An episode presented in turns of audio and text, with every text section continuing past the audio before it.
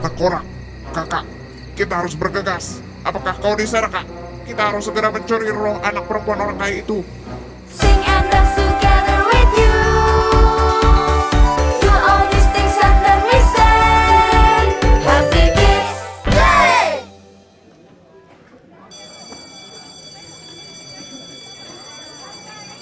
Ih, ih, ini kenapa lagi sih? Cie, tasnya baru tuh bagus. Ih, emangnya kenapa? Keren deh, tasnya gede jadi muat banyak ya. Kamu ngeledek ya Mia? Aku kan sukanya tas Iron Man, bukan tas kayak gini. Bagus, kamu harusnya malah terima kasih karena masih dibeliin sama mama kamu. Ah, pokoknya aku nggak suka deh sama tas ini. Eh, tumben kalian berdua kompak. Ih, kompak apaan bu? Nggak mungkin lah. Itu tuh bu, si Bagus lagi sedih katanya nggak suka tasnya kegedean. Tapi tasnya keren kok. Enggak bu, aku nggak suka. Eh, jangan salah Gus. Tas ini pasti banyak berguna. Kayak gini nih. Pada zaman dahulu kala, hiduplah seorang pria dengan tiga anak laki-lakinya. Pria ini sudah tua dan sakit-sakitan. Mengetahui bahwa waktunya tidak lama lagi, ia memanggil ketiga anaknya. Anakku, aku sudah sangat lelah. Sepertinya umurku tidak akan panjang lagi. Aku sudah bekerja keras bertahun-tahun, tapi hanya ini yang bisa kuberikan pada kalian. Pergunakanlah sebaik-baiknya. Pria tua itu pun membagikan warisannya yang sederhana. Putra sulungnya mendapatkan batu gerinda atau penggiling, putra keduanya mendapatkan labu dan batang bambu, sedangkan putra bungsunya mendapat drum. Tak lama kemudian pria tua itu meninggal. Ketiga anaknya memutuskan untuk merantau setelah menguburkan ayah mereka.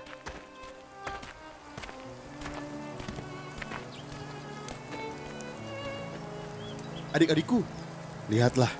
Di depan ada tiga persimpangan. Mungkin inilah saat yang tepat untuk kita berpisah. Semoga saat kita bertemu kembali, kita semua selamat dan menjadi orang yang sukses. Akhirnya mereka berpisah setelah memilih jalur yang akan mereka tempuh. Putra sulung yang memilih jalur pegunungan berjalan hingga kehabisan tenaga. Dan ia akhirnya memutuskan untuk beristirahat di bawah pohon yang ada di pinggir jalan. Lelahnya, sebaiknya aku berbaring sejenak di bawah pohon ini.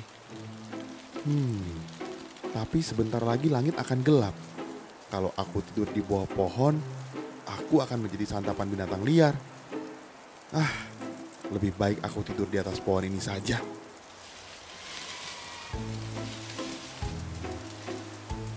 Sungguh ini tempat yang sempurna. Walaupun sungguh berat membawa batu penggilingan ini ke atas pohon.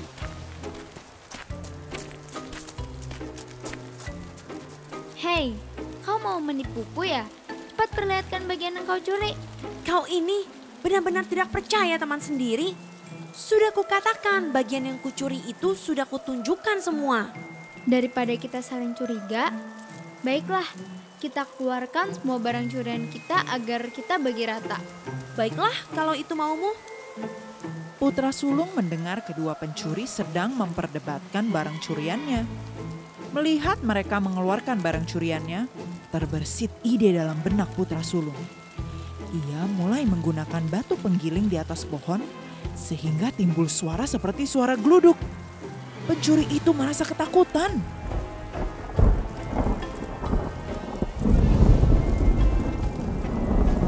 Hei, apa kau dengar itu? Bukankah itu adalah suara petir? Padahal langit sedang berbintang seperti ini. Jangan, jangan-jangan ini hukuman dari langit. A- ayo kita pergi menyelamatkan diri sebelum petir menyambar kita. Ayo, Mereka benar-benar penakut. Lihat, banyak sekali harta yang mereka curi ini.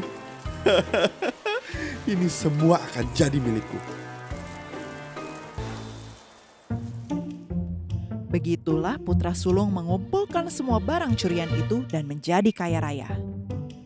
Putra kedua sudah berjalan berhari-hari seperti seorang pengemis. Hingga suatu saat ia merasa sangat kelelahan dan tertidur di sebuah kuburan.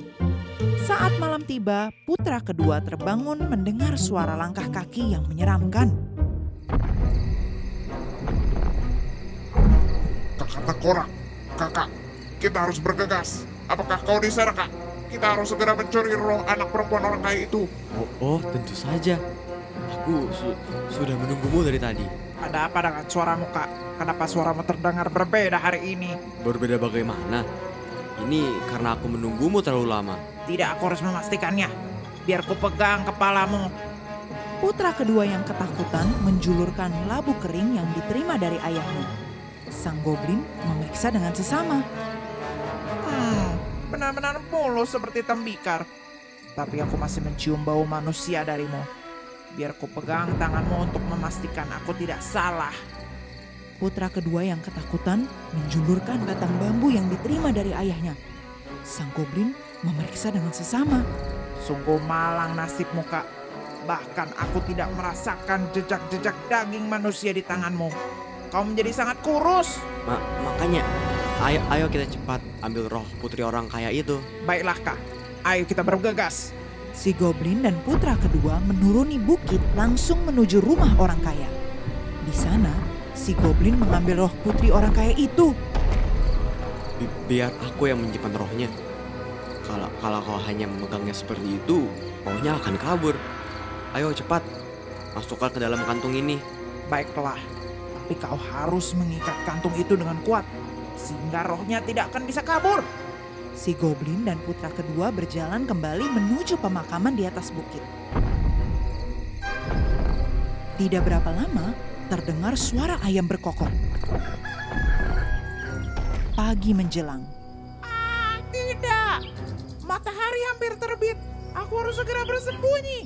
Kakak Tengkorak, sampai ketemu nanti malam. Jaga dirimu baik-baik. Baiklah, cepat, pergilah.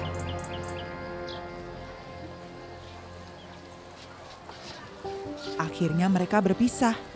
Putra kedua segera berbalik arah menuju ke rumah saudagar kaya. Seperti yang diduganya, ada kerumunan orang banyak di depan rumah. Ia pura-pura penasaran dan bertanya pada pelayan di sana. Ada apa ini ribut-ribut? Malang sekali nasib Tuan Putri. Ia adalah seorang gadis yang cantik dan sehat. Pagi ini dia ditemukan telah meninggal. Apa? Apakah dia benar-benar meninggal? Ya, dia sudah meninggal. Hmm, sebenarnya aku adalah seorang dukun yang sakti. Kalau aku bisa melihat keadaannya, aku pasti bisa memulihkannya. Be- benarkah Tuan? Apakah kau benar-benar bisa menyembuhkan Tuan Putri? Ya benar. Tolong beritahu tuanmu kalau aku mau membantunya. Baik Tuan. Tuan, tunggulah di sini. Aku akan memanggil tuanku. Pelayan itu pun memanggil tuannya dan menceritakan tentang putra kedua. Orang kaya yang sedang bersedih itu pun segera menemui putra kedua. Benarkah yang dikatakan pelayanku ini? Bahwa kau bisa menyelamatkan nyawa putriku? Benar tuan. Hamba bisa menyelamatkan nyawa putri tuan. Tapi dengan satu syarat. Apa itu? Ketika aku melakukan ritual penyelamatan, tidak boleh ada orang di dalam kamar sang putri. Hanya ada hamba sendiri. Baiklah, lakukan semaumu. Yang penting, putriku bisa selamat. Akhirnya putra kedua masuk ke kamar sang putri dan mulai mencari cara bagaimana mengembalikan roh sang putri ke tubuhnya. Ia berpura-pura melakukan ritual.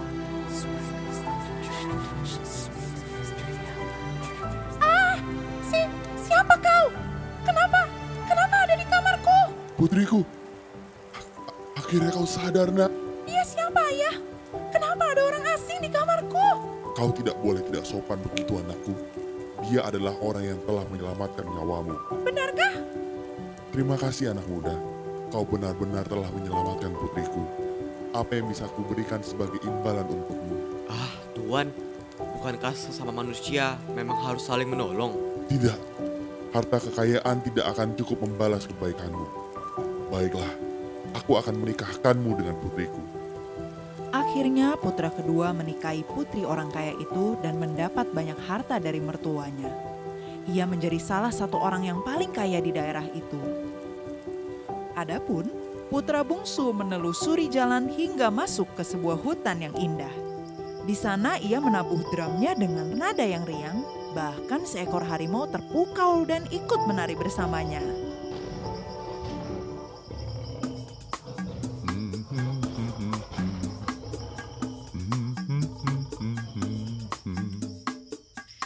Putra bungsu ini terus memainkan drumnya hingga ke perkampungan. Warga takjub melihat seorang pemuda dan seekor harimau sangat menikmati musik. Kabar ini tersebar sampai ke istana. Mendengar hal ini, raja pun memanggil putra bungsu beserta harimaunya untuk bertemu dengannya. Anak muda, dari manakah asalmu? Hamba berasal dari salah satu desa terpencil di daerah barat yang mulia. Wah, berarti kau sudah berjalan jauh hingga sampai ke ibu kota. Benar yang mulia. Sebenarnya alasanku memanggilmu ke sini adalah harimaumu ini. Aku sangat tertarik untuk memiliki harimaumu ini, nak. Tapi yang mulia, ini adalah harimau yang diwariskan turun-temurun di keluarga hamba. Dia sudah seperti saudara bagi saya. Baiklah, aku akan memberi penawaran yang menarik kalau kau mau memberikan harimau itu padaku. Penawaran? Ya, bagaimana kalau harimaumu itu ku beli dengan harga 10.000 won? A apa? 10 ribu won? Ya, 10.000 won. Bagaimana? Baiklah yang mulia. Demikianlah si putra bungsu menjadi yang terkaya di antara mereka bertiga. Hingga suatu saat mereka bertiga berkumpul kembali dan hidup bahagia. Tiga warisan yang tampak sederhana itu ternyata mampu membawa mereka menjadi orang kaya. Jadi bagus, barang sesederhana apa pun bisa ada gunanya juga loh. Ya sudah, ibu ke ruang guru dulu ya.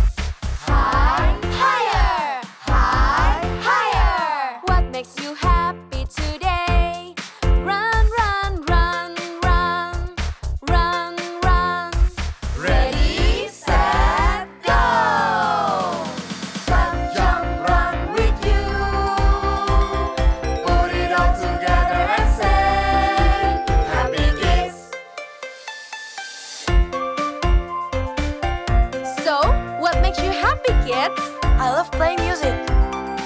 And what about you? I really love dancing. Okay, let's do it together then. Come on, guys.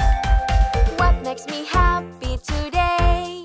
Sing, sing, sing, sing, sing, sing. Do do do do do do do do do do do do do. What makes me happy today? Dance, dance, dance, dance.